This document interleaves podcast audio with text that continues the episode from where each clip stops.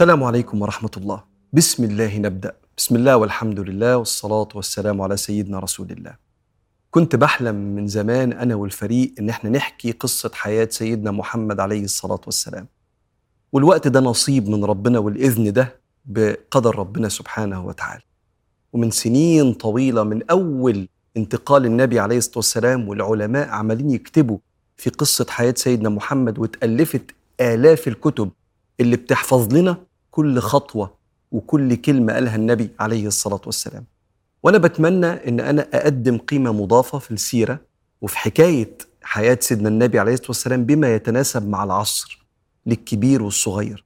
وأتمنى وأنا بحكي سيرة النبي عليه الصلاة والسلام المرة دي أكون حلقة الوصل ما بين كتب العلماء اللي ممكن في بعضها يكون في بعض الصعوبة في القراءة وأجيالنا الجديدة اللي محتاجة تسمع في كل جوانب حياة النبي عليه الصلاة والسلام كان بيعمل إيه؟ بحيث قبل أي حد مننا قبل ما يتحرك أي حركة يبص على النبي الأول كان بيتصرف إزاي؟ ويتصرف زيه لأن ربنا اللي طلب مننا كده قال لقد كان لكم في رسول الله أسوة حسنة. اللي عايز يعمل حاجة صح يمشي ورا النبي عليه الصلاة والسلام. ربنا اختار لنا للبرنامج اسم نور. لأن الاسم والصفة دي هي صفة سيدنا رسول الله عليه الصلاة والسلام اللي ربنا اختارها له في القرآن. ربنا بيقول في سورة المائدة قد جاءكم من الله نور وكتاب مبين. الكتاب المبين القرآن. أما النور تقريبا إجماع المفسرين عبر التاريخ إنه سيدنا محمد عليه الصلاة والسلام هو النور اللي جه خرج البشرية من ظلمات الجاهلية لأنوار معرفة ربنا سبحانه وتعالى. لأن النور هو العنصر اللي لما يتسلط على حاجة تعرف تشوف حقيقتها. وده اللي النبي عمله معانا عليه الصلاة والسلام ورانا حقيقة كل شيء حقيقة ربنا وحقيقة نفوسنا وحقيقة الدنيا وحقيقة الآخرة وحقيقة الخير وحقيقة الشر. وهو نفسه قبل ما ينتقل للرفيق الأعلى ويروح عند ربنا قال لنا كده قال تركتكم على المحجة البيضاء. ليلها كنهارها سواء لا يزيغ عنها إلا هالك. المحجة يعني الطريق حج يعني قصد مشي في طريق كده. فأنا سايبكم على طريق واضح. الليل بتاعه منور والنهار بتاعه منور. الليل لو رمز للأزمات والابتلاءات والنهار رمز للنعم والأفراح الاتنين أنت شايف حقيقة تصرفك. لأنك بصيت على سيدنا النبي في أفراحه وأيامه الصعبة كان بيعمل إيه؟ وأنا عايز أقول لك على حاجة. عايز أقول لك إن الدنيا كانت مظلمة قبل سيدنا النبي عليه الصلاة والسلام والمسلمين كانوا يقولوا كده. سيدنا جعفر بن أبي طالب يقول كنا قوما أهل جاهلية نعبد الأصنام ونأكل الميتة ونأتي الفواحش ونسيء الجوار ويأكل القوي منا الضعيف. حتى أتانا رسول منا نعرف صدقه ونسبه وأمانته. إحنا كنا ما عندناش إنسانية صفر إنسانية. بعيد جدا عن ربنا. بنعبد أحجار. أنت عندك حاجتين كانوا بيعبدوها الأصنام والأوثان. رب اجعل هذا البلد آمنا واجنبني وبني أن نعبد الأصنام. الأصنام هي الأحجار اللي على شكل كائنات حية. إنسان طائر حيوان. والتانية فاجتنبوا الرجس من الأوثان واجتنبوا قول الزور. إيه الأوثان؟ حجارة ملهاش شكل حتة حجر كده مربع ولا مدور ولا مستطيل وكانوا بيسجدوا له. فين العقول؟ عاداتهم اليومية كانوا بيشربوا خمر يمكن زي المية وأكتر. لما اتحرمت الخمر عليهم ودلقوها في الطريق سيدنا أنس بيقول فخرجنا نخوض في الخمر. المدينة غرقت. كان عندهم براميل. سيدنا طلحة قال لسيدنا أنس قم يا أنس أرق الجراب هات البراميل وادلقها. براميل من الخمرة. ما كانش عندهم القرش الحلال. لما حبوا يبنوا الكعبة ما عرفوش يكملوا بناية الكعبة لأن أغلب أموالهم من طرق فيها أذية لخلق الله سبحانه وتعالى وكانوا بيخافوا إن هم يحطوا فلوس في بناء الكعبة هم عارفين إنها حرام. يكفي العنصرية الرهيبة إن هم كانوا بيتملكوا الغلابة فكرة العبيد. إن بني آدم يملك إنسان ولا إنسانة لو قتلوا ولا بهدلوا محدش له عنده حاجة لأنه ملكي. ولو بصيت على المرأة في عصور الجاهلية قبل بعثة النبي عليه الصلاة والسلام هتلاقيها بتتقتل أول ما بيخلفوها وأد البنات وإذا الموءودة سئلت. أو لو عاشت واتجوزت واحد لما يموت بتبقى جزء من ميراثه. فهي جزء من ممتلكاته لما يموت أهله ياخدوها مع البيت بتاعه والحصان بتاعه ولبسه والمرأة كمان وينزل القرآن لا يحل لكم أن ترثوا النساء كرها. ويكفي أن أقول لك أن كان في حرب قامت بين المشركين قبل بعثة النبي عليه الصلاة والسلام اسمها حرب البسوس ما بين قبيلتين كبار قوي قبيلة اسمها تغلب وقبيلة اسمها بني شيبان. ليه؟ عشان في جمل اتقتل بتاع واحدة اسمها البسوس بنت منقذ. أربعين سنة تدبيح وقتل. علشان جمل اتقتل. جه سيدنا النبي على الأحوال دي فجاء النور اللي بيخرج الناس من الظلمات لأنوار ربنا. ما تستغربش من الضلمة اللي الجاهلية كانت عايشة فيها قبل بعثة سيدنا محمد عليه الصلاة والسلام. أنا ما كلمتكش عن الحياة عند الرومان ولا عند الفرس ولا عند حضارة الهند. اللي كان فيه أكيد أخلاق في الدنيا كلها متبقية عند الناس الطيبين. لكن في قيم كتير ومبادئ اتداس عليها بسبب الغرائز والمصالح والشهوات. لأن البني آدم بيحرك تصرفاته أربع حاجات. إما ربه اللي هو مؤمن بيه وعارف إن ربنا أراد لنا مصلحتنا فبيخضع لأوامر ربنا فاللي بيحركه ربنا. أو اللي بيحركه قيمه اللي متبقية جوه قلبه اللي ربنا خلقها في الفطرة جوانا كلنا. أو بيحركه مصالحه الشخصية وغرائزه وشهواته أو بيحركه قوانين المجتمع. لو الرب موجود في حياة البني آدم بيظبط له قيمه جدا بيبقى بيستقيها من ربه. ومصالحه مش بتطغى على قيمه فمش بيبيع قيمه عشان مصالحه. دايما مصالحه بيحققها من خلال قيمه اللي واخدها من ربه. وبالتالي قوانين المجتمع بتبقى مستقاة من الإله. اللي قال على نفسه ألا يعلم من خلق وهو اللطيف الخبير. لو الرب مش موجود القيم غالبا بتتشوه. والمصالح بتسيطر عليها. وبالتالي قوانين المجتمع بيحكمها الأقوى والأكثر سيطرة اللي ممكن يكون شهواته وغرائزه هي اللي بتقوده. زي ما انت شفت في الجزيرة العربية وقد البنات والعبيد والعنصرية وأشياء كتيرة النبي جه علشان ينور طريق الناس ويمحو الأشياء دي. عشان كده إحنا كنا محتاجين نور النبي. لأن البشر سلوكياتهم بتتكون بالتقمص. انت لما تشوف الشلل الأصحاب أو العائلات أو المتجوزين تلاقي الناس اللي عاشت مع بعض مدة بيضحكوا زي بعض وبيكشروا زي بعض وبيشاوروا بإيديهم زي بعض لدرجة إن هم بيمشوا زي بعض لأن البني آدم بيشوف قدامه ويبدأ يقلد بننقش من بعض طريقتنا وأخلاقنا. فكان لازم ربنا يبعت لنا إنسان زينا بشر مش ملك إنسان يربيه ويعلمه ويزكيه ويقول لنا هو ده المعيار. اعملوا زيه لقد كان لكم في رسول الله أسوة حسنة. ونبدأ إحنا نتسابق في أخلاقنا وشخصياتنا ونفسياتنا وروحنا نقرب من المعيار ده من الأسوة ده. وكل ما قربت من نور سيدنا محمد طريقك لربنا ينور.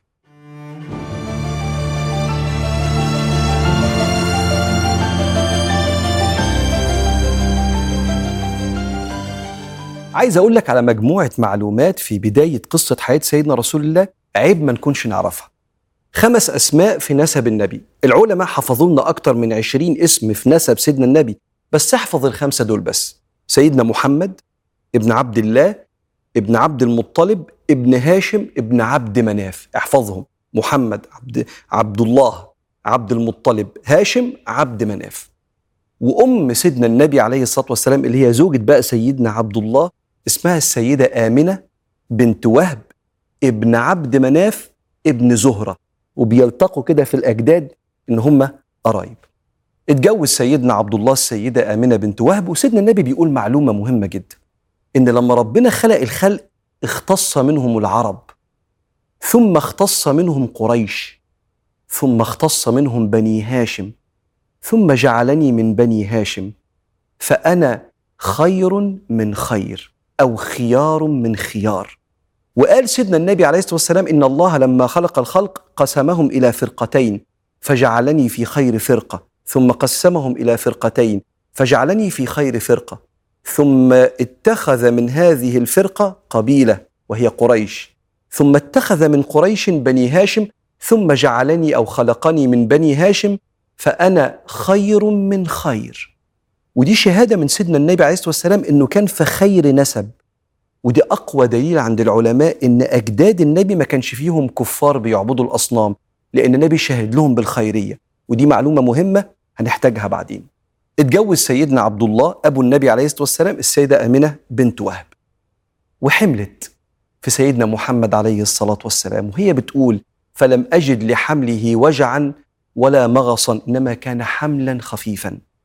وسيدنا عبد الله أبو النبي عليه الصلاة والسلام. عنده 25 سنة طلع في تجارة من مكة واتجاه الشام كده رحلة الشتاء والصيف في الشتاء لليمن وفي الصيف للشام. فخرج وهو خارج في التجارة دي مرض. وهم راجعين رجع عند بني عدي ابن النجار أخواله في المدينة المنورة في يثرب.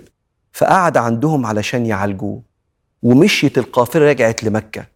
وفي الوقت ده مات سيدنا عبد الله أبو النبي وستنا آمنة حامل في سيدنا محمد عليه الصلاة والسلام.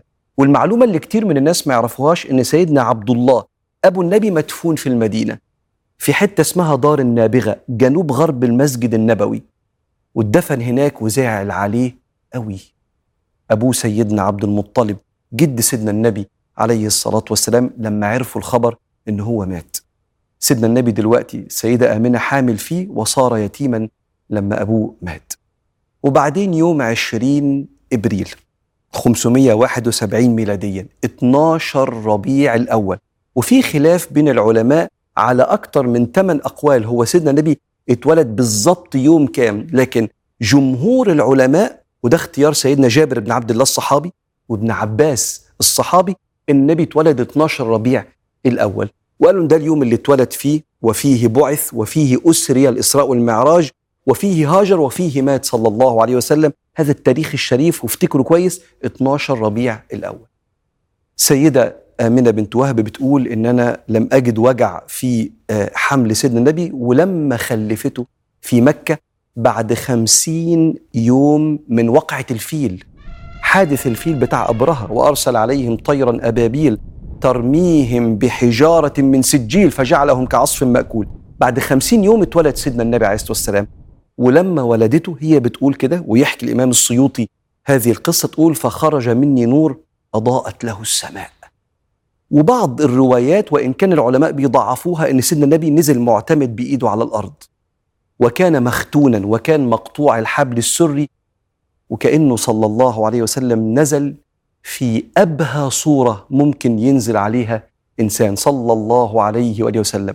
فرح بيه جدا عبد المطلب. وحس بمسؤوليته عنه لأن أبوه متوفى سيدنا عبد الله لما مات في المدينة. وبعد سبعة أيام من ولادة سيدنا النبي عليه الصلاة والسلام ذبح ذبايح وأكل كل مكة. فقالوا له هتسميه إيه؟ فقال لهم هسميه محمدا حتى يحمده الله في السماء ويحمده الناس في الأرض. وقام جايب ثويبة جارية أبو لهب أبو لهب عم النبي وقال لها رضعي. فالسيدة ثويبة رضعت سيدنا النبي وكانت مرضعة كمان حمزة عم النبي. فصار سيدنا حمزة اللي أكبر من النبي بسنتين أخو النبي في الرضاعة ثم بدأوا يدوروا له على مرضعات من بره مكة لأن مكة وقتها كان فيها وباء. نشأة سيدنا محمد عليه الصلاة والسلام كلها نور. ربنا سبحانه وتعالى بيرزق بالسبب وبغير السبب وبضد السبب زي ما العلماء علمونا. ربنا سبحانه وتعالى لو خد منك حاجة في قدره بيعوضك. ومش معنى إن ممكن واحد ينشأ يتيم الأب أو يتيم الأب والأم إن حياته هتطلع ناقصة. لأن حقيقة الرعاية والعناية بتكون من الملك سبحانه وتعالى. وصدق أجدادنا اللي قالوا ما يربي إلا ربي سبحانه وتعالى. الرب الذي يخلق ويملك ويرزق ويتولى الشؤون. وربنا قال لسيدنا محمد عليه الصلاة والسلام وعلى الحقيقة بيقول لنا إحنا كمان ألم يجدك يتيما فآوى. ربنا سبحانه وتعالى لما بيخلق إنسان يتيم الذي أخذ منه الأب أو الأب والأم بيحط الحنان والرعاية والإكرام في قلوب ناس تانيين. آه أنت ممكن تقول لي مفيش عوض عن الأب والأم؟ أكيد مفيش عوض. بس في عطاء بديل ربنا سبحانه وتعالى بيتكفل بيه لأن الرحمة اللي اتخلقت جوه الأب والأم تجاه عيالهم ما هي إلا من خلقة الرحمن الرحيم سبحانه وتعالى. وفي في وسط مجتمعاتنا عبر الزمان أيتام كانوا أكابر ومؤثرين وعظماء وعلماء ومش كل واحد فقد في طفولته نوع معين من الرعاية من شخص معين هيطلع عنده نقص لأن ربنا بيعوض في رحلة الحياة. أنا كمان مطمئن جدا لإيمان أبوي النبي عليه الصلاة والسلام لأسباب كتيرة، اولا لأن سيدنا النبي عليه الصلاة والسلام قال إن أنا خيار من خيار. فمن نسل سيدنا إسماعيل ابن سيدنا إبراهيم كل ما يتفرع الأجيال ربنا يختار لسيدنا النبي خير الأجيال. فمش ممكن النبي يشكر في مشركين أو كفار. أنا خيار من خيار. حاجة التانية لأن عقيدة المسلمين إن أهل الفترة هم الناس اللي موجودين في وقت فتور من الرسل. فتور يعني ما كانش فيه أنبياء. سيدنا محمد عليه الصلاة والسلام اتولد سنة 571 ميلاديا. يعني بعد رفع سيدنا عيسى بقرون. في ناس جت في القرون دي لم يجدوا رسول في المكان بتاعهم وربنا قال وما كنا معذبين حتى نبعث رسولا. فعقيدة أهل السنة إن هؤلاء الناس إن شاء الله يكونوا ناجين يوم القيامة. بالإضافة كمان لاختيار ربنا لاسم سيدنا عبد الله أبو النبي واسم السيدة آمنة بنت وهب والدة سيدنا النبي عليه الصلاة والسلام. فأنا ما بخشش في النزاعات هم كانوا كفار ولا مؤمنين لأن أنا مطمئن جدا مع آراء العلماء وهم كتير قوي لإيمان كل آباء وأجداد سيدنا النبي عليه الصلاة والسلام.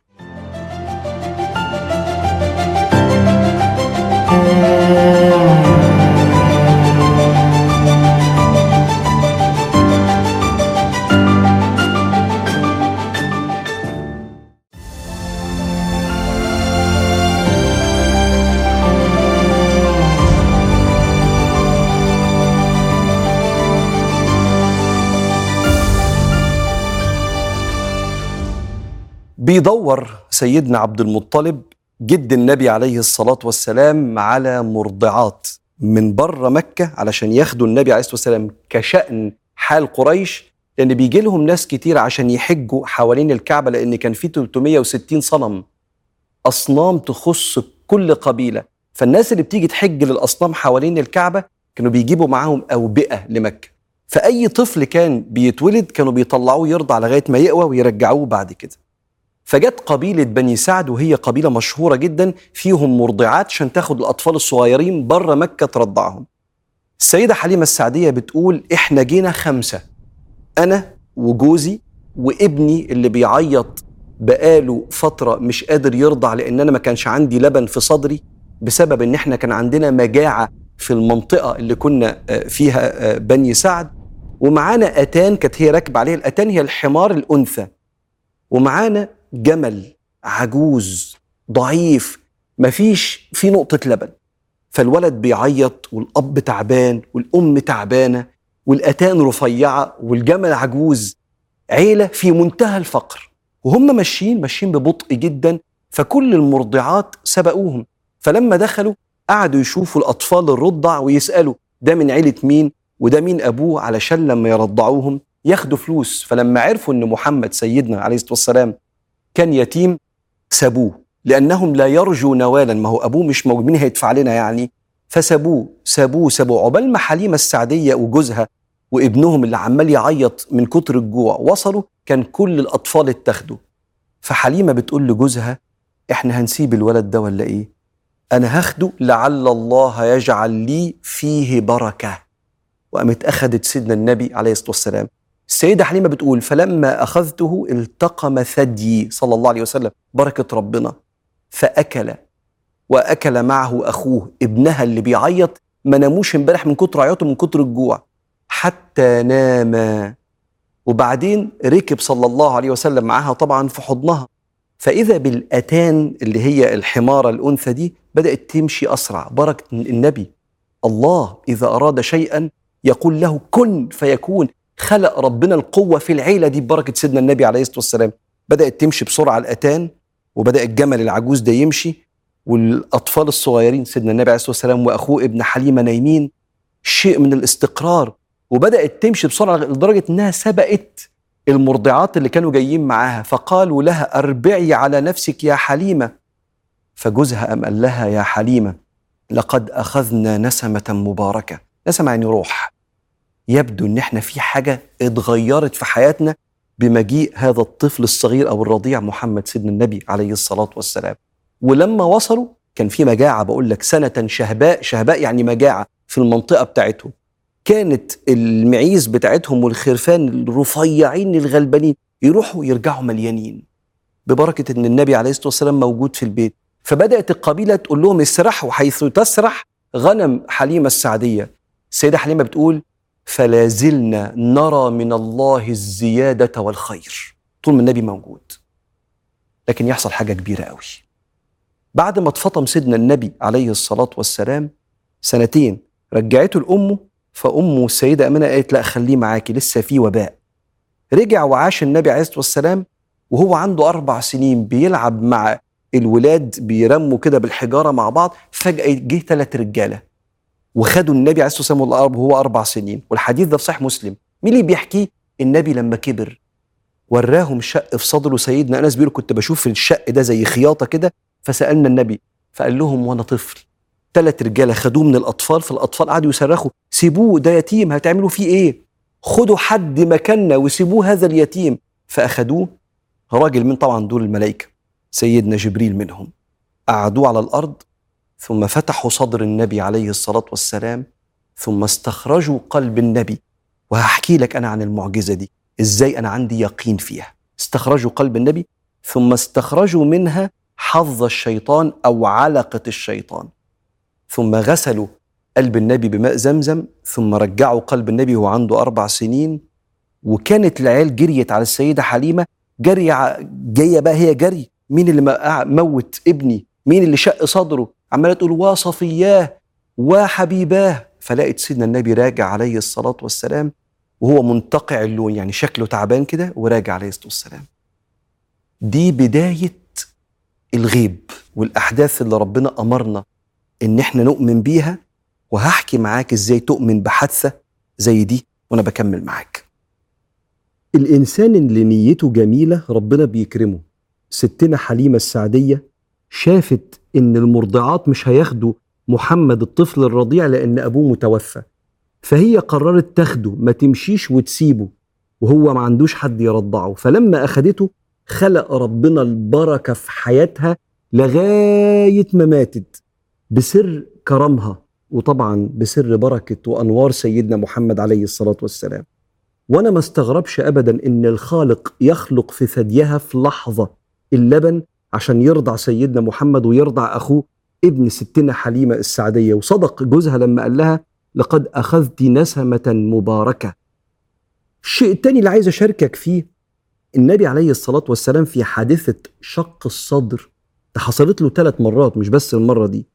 مرة وهو طفل صغير ومرة قبل النبوة قبل ما يشوف سيدنا جبريل ومرة قبل الإسراء والمعراج. وإحنا أكتر أجيال تؤمن بالمعجزة دي لأن البشر قدروا إن هم يشقوا صدر بني آدم ويطلعوا قلبه ويصلحوا فيه بعض الأشياء ويقفلوه وهو عايش. فإذا كان البشر استطاعوا شق الصدر وفتح القلب والمريض عايش الله على كل شيء قدير. لأن البشر بيقدروا يعملوا كده. أنا اتصلت بأحد آه، أصحابنا دكاترة جراحة القلب ويقول لي إن هم بيدوا محلول للقلب علشان يوقفوا اسمه محلول شلل القلب وبيعملوا دورة دموية صناعية اسمها ماكينة القلب الصناعي علشان الجسم يفضل عايش والوظائف شغالة ويشتغلوا في القلب وهو مشلول عن حركته. كل شوية يضخوا محلول شلل القلب ده بحسب يعني احتياج المريض. إحنا بنعرف نعمل كده والعملية ممكن تستغرق ثلاث ساعات ممكن تستغرق أكتر من كده أضعاف المدة دي. فإذا كان البشر استطاعوا إن هم يشقوا الصدر ويفتحوا القلب ويصلحوا ما فيه فالله قادر على استخراج قلب سيدنا النبي عليه الصلاة والسلام علشان يشيل منه علقة الشيطان. وزي ما قلت لك قولين للعلماء إما علقة الشيطان يعني تأثير الشيطان على سيدنا النبي وإما القول الثاني هو أقرب لقلبي. أخذوا حظ الشيطان من رحمة النبي لأن النبي عليه الصلاة والسلام رحمة للعالمين.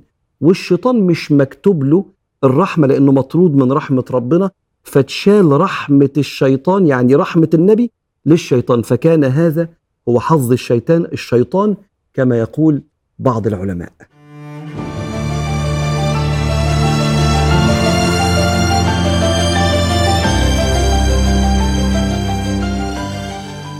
وبعد حادثة شق الصدر لسيدنا النبي عليه الصلاة والسلام وهو تقريبا أربع سنين خافت السيدة حليمة السعدية عليه فرجعته مكة للسيدة آمنة بنت وهب أم النبي عليه الصلاة والسلام. وعاش سيدنا محمد عليه الصلاة والسلام من سن أربعة لسن ستة مع أمه السيدة آمنة. وهو عنده ست سنين السيدة آمنة توفيت. يبقى الأب توفي وهو قبل ما يتولد والأم توفيت وهو عنده ست سنوات. واتدفنت في منطقة في مكة اسمها الأبواء. وبعدين بعد كده سيدنا عبد المطلب جد سيدنا النبي عليه الصلاة والسلام ازداد تعاطفه مع سيدنا محمد. أبوه متوفى وأمه كمان توفيت. فاحتضنوا وهو اللي كفله وعبد المطلب كان ليه هيبة كبيرة قوي. كان لما يطلع من بيته ليه فراش عند الكعبة كده ممنوع حد من ولاده يقعد عليه. ولو أي حد جه قاعد على الفراش يزقوه لأن عبد المطلب لو شافه يغضب. إلا سيدنا محمد. لما يجي يقعد وحد يوسعه كان يزعق لهم ويصيح عليهم ويقول سيبوا حفيدي ده ابن ابني يقعد وسيدنا النبي يقعد جنبه كده يقعد صلى الله عليه وسلم كما ورد في الأحاديث يقعد عبد المطلب يعني يحسس على شعر النبي وظهره صلى الله عليه وسلم ويعجبه تصرفات النبي صلى الله عليه وآله وسلم. وبعدين وسيدنا النبي عليه الصلاة والسلام عنده 8 سنين انتقل.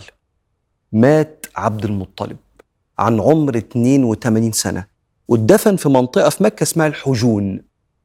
لكن قبل ما يموت نده على أبو طالب ابنه. وكان أخو سيدنا عبد الله أبو النبي عليه الصلاة والسلام أبو طالب أخو عبد الله من الأب والأم. أمهم مرات سيدنا عبد المطلب اسمها فاطمة بنت عمرو. فهم كانوا إخوات شققاء. فوصى سيدنا عبد المطلب أبو طالب قال له خد بالك من محمد لما أموت وقذف في قلب أبو طالب عم النبي عليه الصلاة والسلام حب سيدنا النبي قوي. لدرجة إنه الناس تشوفه يقول ما كان يدخل ولا يخرج إلا مع محمد. وعلمه إن هو يرعى الغنم من سن 8 لسن 12 قال صلى الله عليه وسلم ما من نبي إلا ورعى الغنم. قلنا حتى أنت يا رسول الله؟ قال حتى أنا. أربع سنين من الخلوة والتدريب على الصمت والتأمل في الطبيعة أثناء رعاية الغنم. وكان أبو طالب عم النبي عليه الصلاة والسلام ما بيتحركش إلا مع النبي. وما كانش يقعد ياكل هو واولاده إلا في حضور النبي عليه الصلاة والسلام. لما كانوا بياكلوا كان وكان أبو طالب فقير. لما كانوا بياكلوا من غير النبي الأكل ما كانش بيكفي. فإذا حضر رسول الله سيدنا محمد بقى هو لسه كان طفل صغير الأكل يكفي ويفيض فكان يقول لهم ما تاكلوش إلا لما محمد يجي.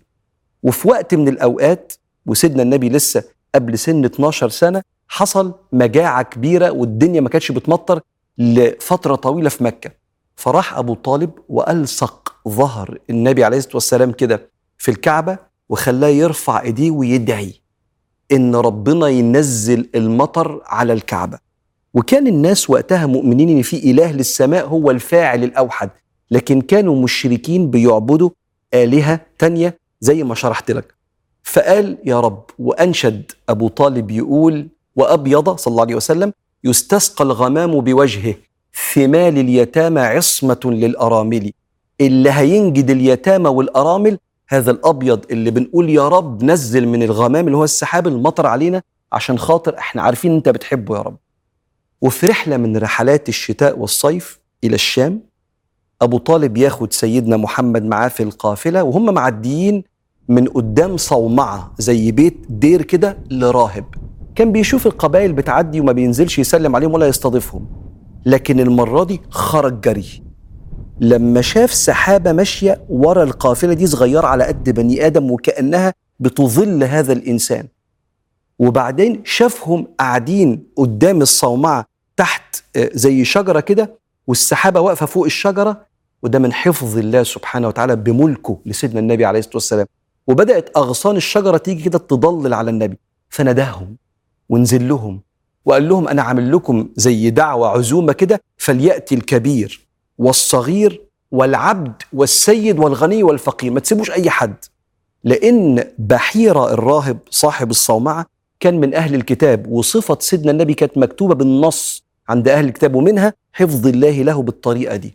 بس كان ناقص علامة يشوفها علامتين بالظبط. فلما دخلوا سابوا النبي بره عليه الصلاة والسلام مع الأمتعة ومع المواشي واللي كانت معاهم. فلما قعد معاهم كده لا مش في حد ناقص. قالوا ده محمد بس سايبينه مع الأمتعة. قال هاتوه. دخل سيدنا النبي فقعد يتفرس فيه كده ويبص له بحيرة الراهب ويقارن صفات النبي باللي مكتوب عنده في كتب أهل الكتاب. وقال له وقام قايل فين أبوه؟ فقام أبو طالب قال أنا. قال ما ينفعش. لا ينبغي له أن يكون له أب. قال له فعلا أنا مش أبوه أنا عمه. أبوه مات وهو صغير. قال له صح. قال له وريني كتفك كده. فبص فلقى خاتم النبوة. كل الأنبياء عندهم وحمه أو حسنة في آخر العمود الفقري كده بين الكتاف فيها شعرات بيضاء اسمها خاتم النبوة.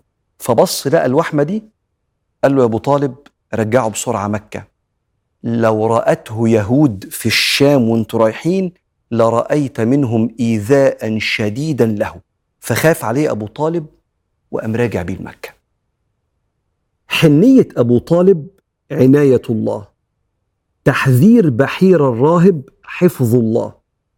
موت أب ابو وأم النبي عليه الصلاة والسلام إرادة الله. شيل كده لفظ الجلالة الله وحط مكانه الرحيم وشوف واقع ده على قلبك. حنية أبو طالب عناية الرحيم. تحذير بحير الراهب حفظ الرحيم.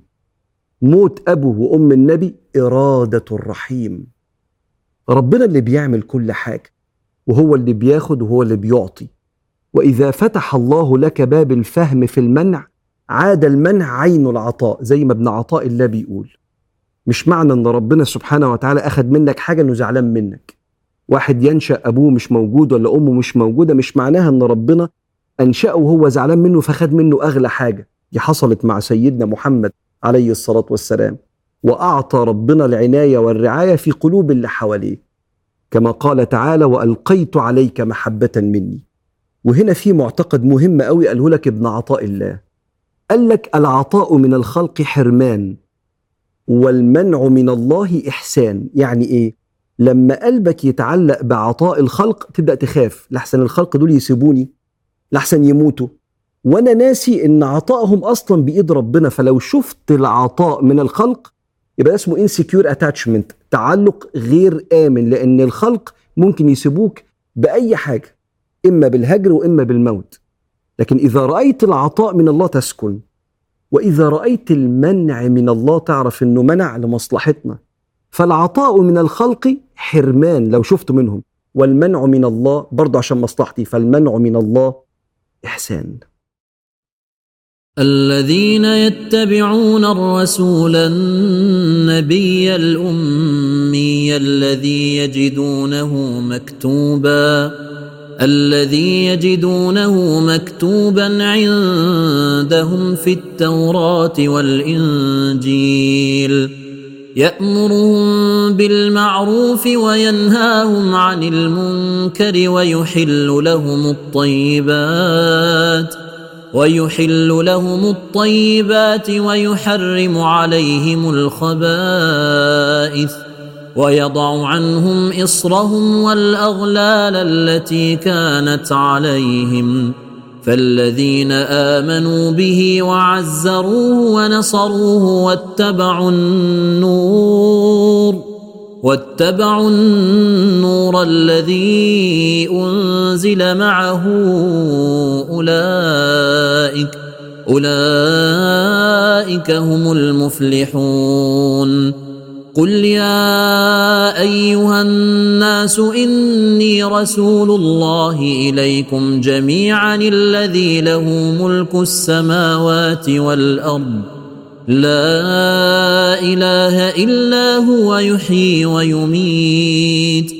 فآمنوا بالله ورسوله النبي الأمي الذي يؤمن بالله الذي يؤمن بالله وكلماته واتبعوه واتبعوه لعلكم تهتدون.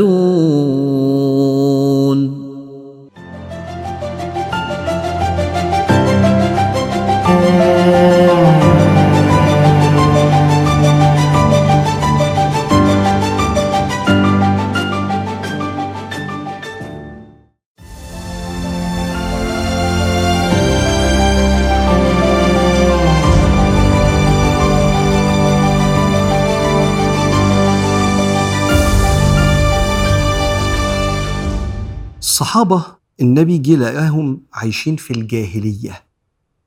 والجاهلية اتسمت جاهلية لأسباب كتيرة منها سوء الأدب مش بس عبادة الأصنام كان في جهل في التعامل.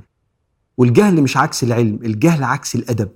وإذا خاطبهم الجاهلون قالوا سلاما فجه نقل الناس لمستوى من الرقي والذوق رجع لهم إنسانيتهم تاني رجع للبني آدم قيمته. وهي مهدرة لازم يحميها بالسيف أو بالعيلة الكبيرة. وكان التعامل بلطف ورقي مع البسطاء مش موجود. فلما عرفوه بيتعامل بالرقي والذوق ده انبهروا فأحبوه. حبوه لأن الذوق بيحسسك بقيمتك. لما أنا أكون مركز في تفاصيل كلامي ونظراتي إني أخليها شيك معاك يبقى أنت كبير عندي. فأنت تمشي وأنت حاسس بقيمتك كده. إن أنا كنت بتفنن في إكرامك. لما قريش مش عارفة ترد على النبي في كلامه المنطقي الرحيم قاعدين في قاعدة كده فيها ناس كبار. فعتبة بن ربيعة قال لهم ممكن تسيبوني أنا أتكلم معاه؟ فأكفيكم ما يقول أنا هتصرف.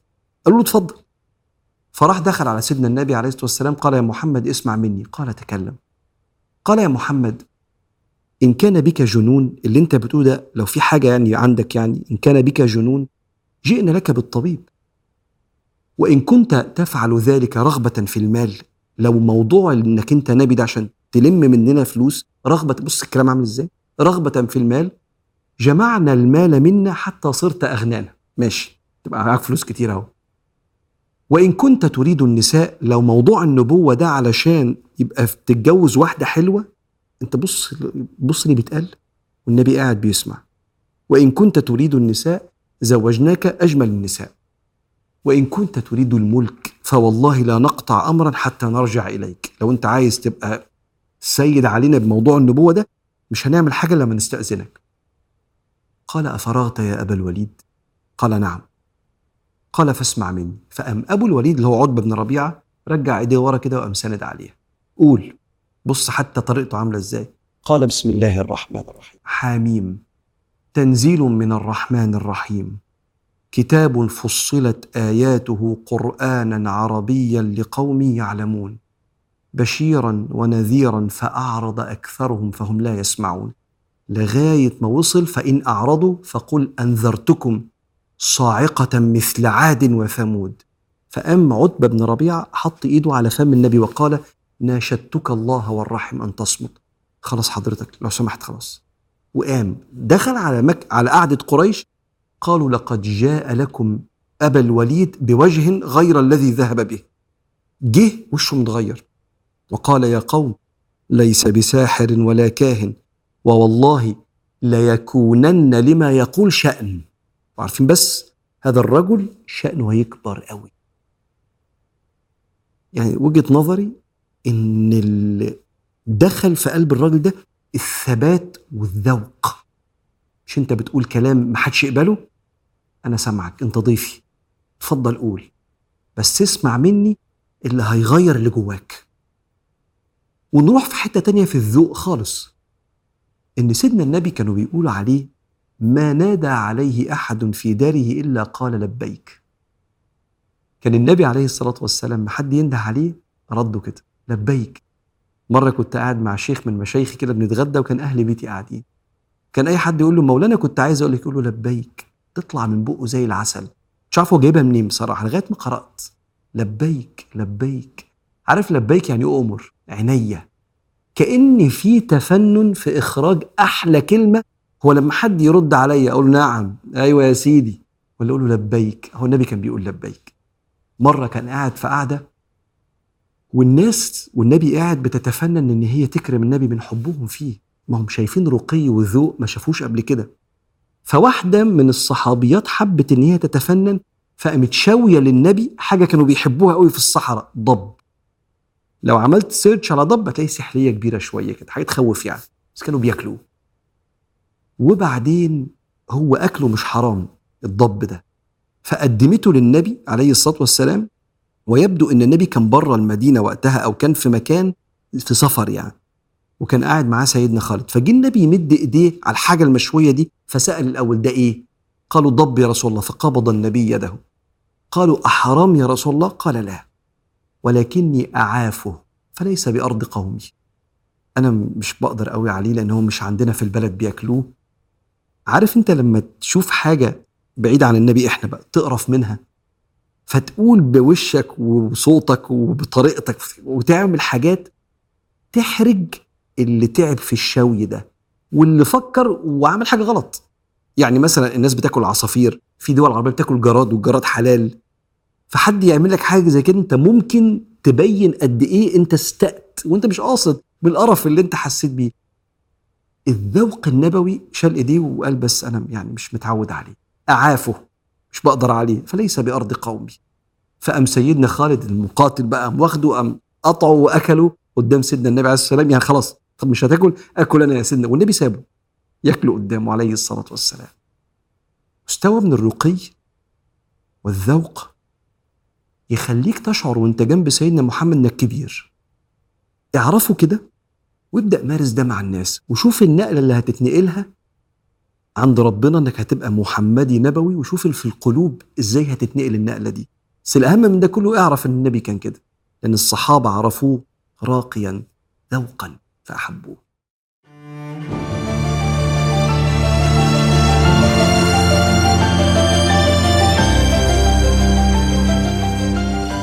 سيدنا ابن عطاء الله بيقول من ألزم نفسه آداب السنة نور الله قلبه بنور المعرفة.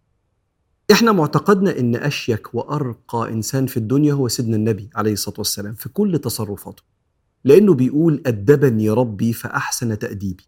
وكل تصرفات النبي عليه الصلاة والسلام في جوانب حياته سواء في عبادته أو في ممارسة أنشطة الحياة اسمها السنة. حياة النبي عليه الصلاة والسلام طريقته في المعاملة وفي التصرفات. كل تصرفات النبي بتربط البني آدم في كل جوانب حياته بربنا. لأن النبي عليه الصلاة والسلام لم يغفل عن الله في كل تفاصيل حياته طرفة عين. فإحنا لما بنلتزم بسنة النبي عليه الصلاة والسلام في تصرفاته الحياتية إحنا بنعمل كل حاجة زي ما ربنا بيحبها لأن الصورة اللي ربنا عايزها هي صورة النبي عليه الصلاة والسلام. عشان كده إحنا النهارده هنتكلم مع بعض على آداب وسنن الطعام والشراب. كلنا بناكل يوميا وأكتر من مرة فجميل إن إحنا نبص النبي كان بياكل إزاي وعلى قد ما نقدر نقلد النبي لأن من تشبه بقوم فهو منهم. عندنا خمس سنن في الطعام وأربع سنن في الشراب. السنة الأولانية في الطعام إنك تقول بسم الله قبل ما تاكل.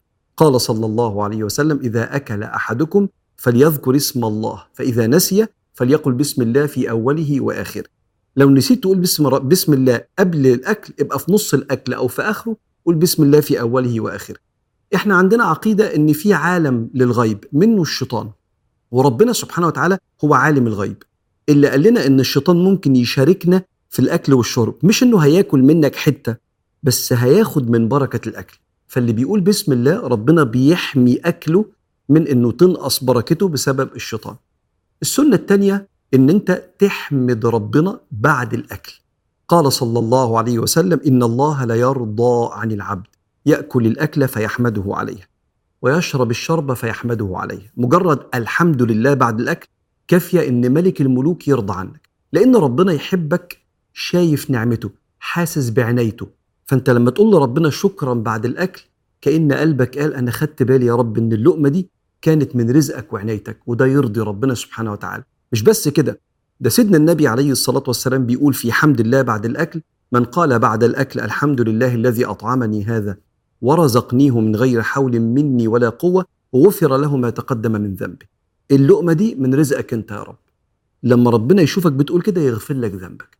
السنة الثالثة عدم عيب الطعام. كان النبي صلى الله عليه وسلم لا يعيب طعاما قط. إذا أحبه أكله وإذا كرهه تركه.